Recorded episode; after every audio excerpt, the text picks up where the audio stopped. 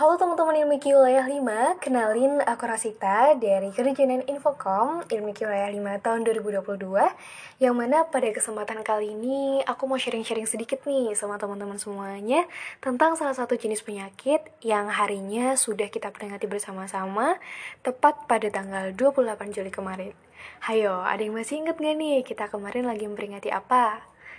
Hayo, jangan-jangan udah lupa Um, oke deh, aku kasih inisial ya. Jadi inisial penyakit ini adalah H. Ayo, ada yang bisa nebak nggak? Yap, bener banget. Jawabannya adalah hepatitis. Jadi, pada kesempatan kali ini kita akan ngobrol-ngobrol sedikit ya, teman-teman, tentang hepatitis. So, what do you know about hepatitis?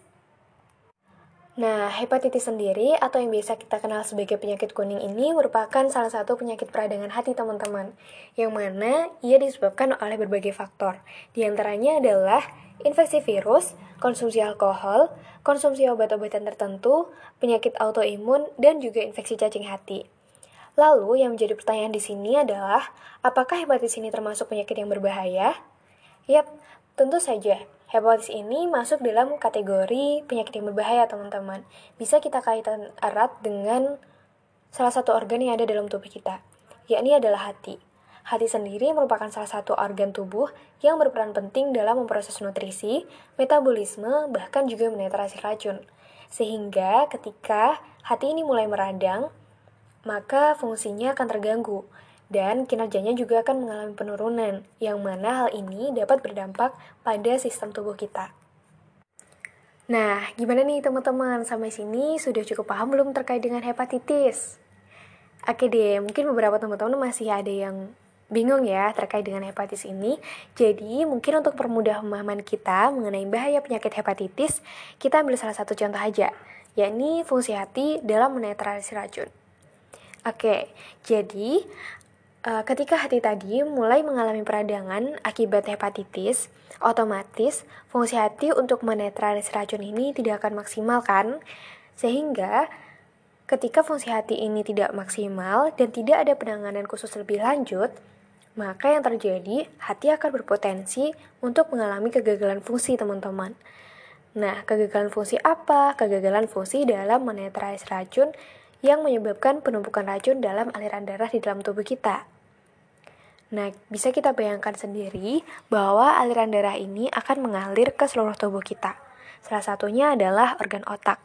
Sehingga hal tersebut juga akan menyebabkan adanya penumpukan racun di dalam otak kita yang dapat mempengaruhi fungsi otak bahkan juga menyebabkan gangguan berpikir pada seseorang.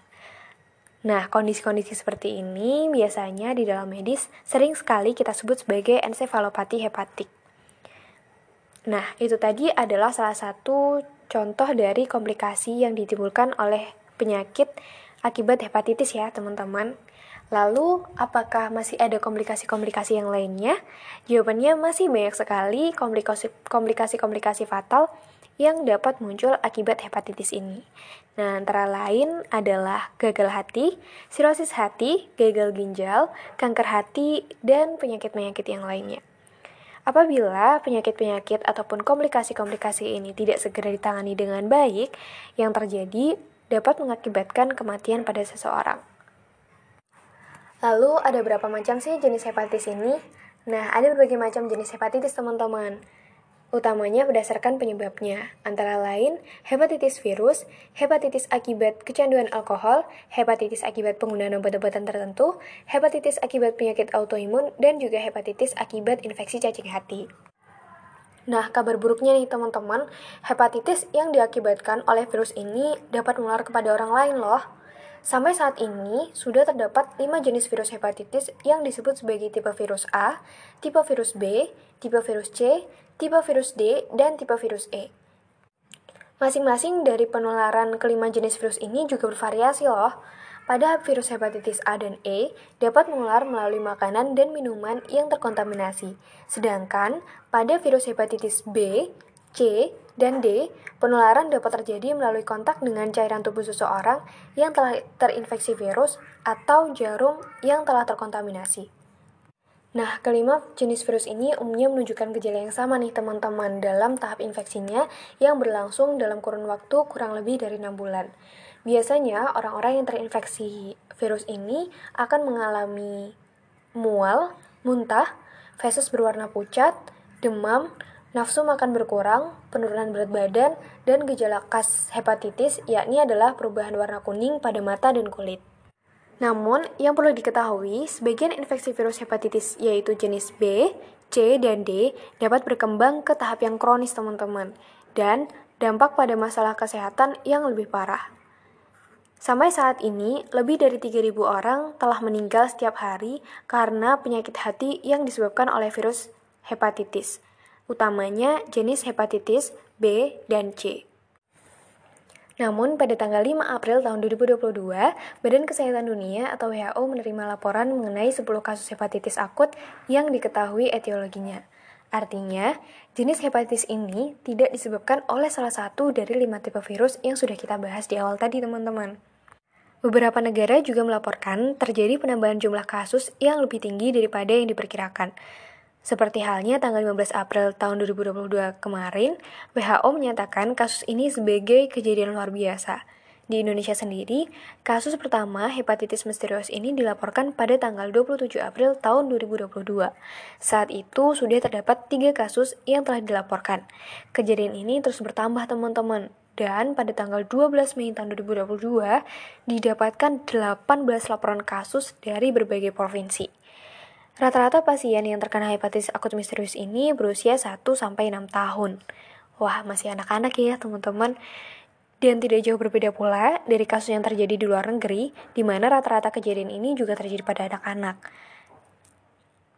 Tak jarang juga beberapa di antaranya telah mengalami gagal hati hingga menyebabkan meninggal. Diduga, ada hubungan antara infeksi virus COVID dengan penyebab hepatitis misterius ini nih, teman-teman. Namun, WHO menyatakan tidak ada bukti yang kuat untuk kejadian yang berkaitan dengan COVID ini.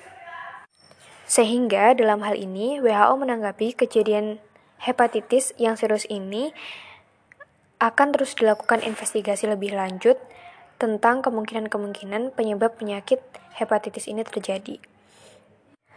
Nah, sembari kita menunggu sampai nantinya mengetahui informasi lebih lanjut tentang penyakit hepatitis misterius ini, alangkah baiknya sebagai mahasiswa kesehatan dan uh, orang yang peduli dengan kesehatan diri kita sendiri, kita melakukan beberapa upaya nih teman-teman. Salah satunya adalah upaya preventif, yakni tindakan pencegahan dalam penularan virus hepatitis.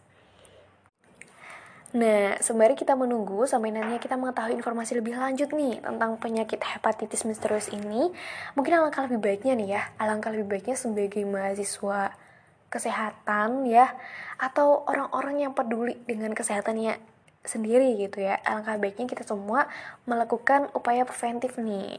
Seperti halnya melakukan tindakan pencegahan dalam penularan virus hepatitis ini. Karena nih ya teman-teman, karena tidak hanya anak-anak teman-teman, tidak hanya anak-anak, semua orang bisa kena, semua kalangan, semua usia bisa terserang virus ini. Sehingga penting sekali kita untuk memahami apa aja sih tindakan-tindakan yang bisa kita lakukan gitu ya untuk melindungi diri kita sendiri dan juga melindungi orang lain. Nah, mungkin tindakan-tindakan yang bisa kita lakukan di antaranya nih, yang pertama, rutin mencuci tangan, terutama sebelum makan dan minum. Cuci tangannya juga pakai sabun ya teman-teman, dan usahakan pakai air mengalir, serta uh, sesuai dengan 6 langkah mencuci tangan. Selanjutnya, kalau misalkan tidak ada air mengalir atau tidak ada sabun, baiknya gunakan hand sanitizer secara berkala untuk membersihkan tangan kita. Lalu yang kedua, pastikan makanan dan minuman dalam keadaan matang dan bersih. Lalu tidak bergantian menggunakan alat makan dengan orang lain dan mengurangi kontak dengan orang-orang yang kemungkinan sudah terinfeksi virus ini. Tidak hanya itu nih teman-teman, WHO juga menekankan untuk melakukan cek kesehatan berkala nih sebagai bentuk deteksi dini dalam pencegahan hepatitis. Hal ini secara tersirat dituangkan dalam bentuk kampanye sebagai perwujudan dari peringatan Hari Hepatitis Sedunia yang harinya sudah kita peringati kemarin nih. Tanggal berapa ya? Tanggal 28 Juli, benar banget. Di mana pada tahun ini uh, peringatan hepatitis ini mengangkat satu tema yakni I cannot wait Peringatan ini dilakukan untuk meningkatkan kesadaran serta menyerukan kepada orang-orang di seluruh dunia dalam mengambil tindakan dan meningkatkan kesadaran akan hepatitis. Karena hepatitis ini tidak bisa menunggu teman-teman.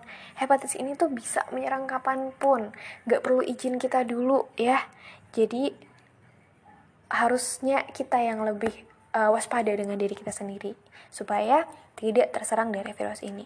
Nah, kampanye I Cannot Wait secara tersirat mengajak masyarakat untuk segera melakukan berbagai macam tindakan dalam memerangi virus ini. Antara lain, yang pertama, segera melakukan cek kesehatan karena hampir 90 orang hidup dengan virus hepatitis ini tidak mereka sadari teman-teman. Jadi mereka ini sebenarnya sudah terserang hepatitis gitu, tapi mereka nggak sadar.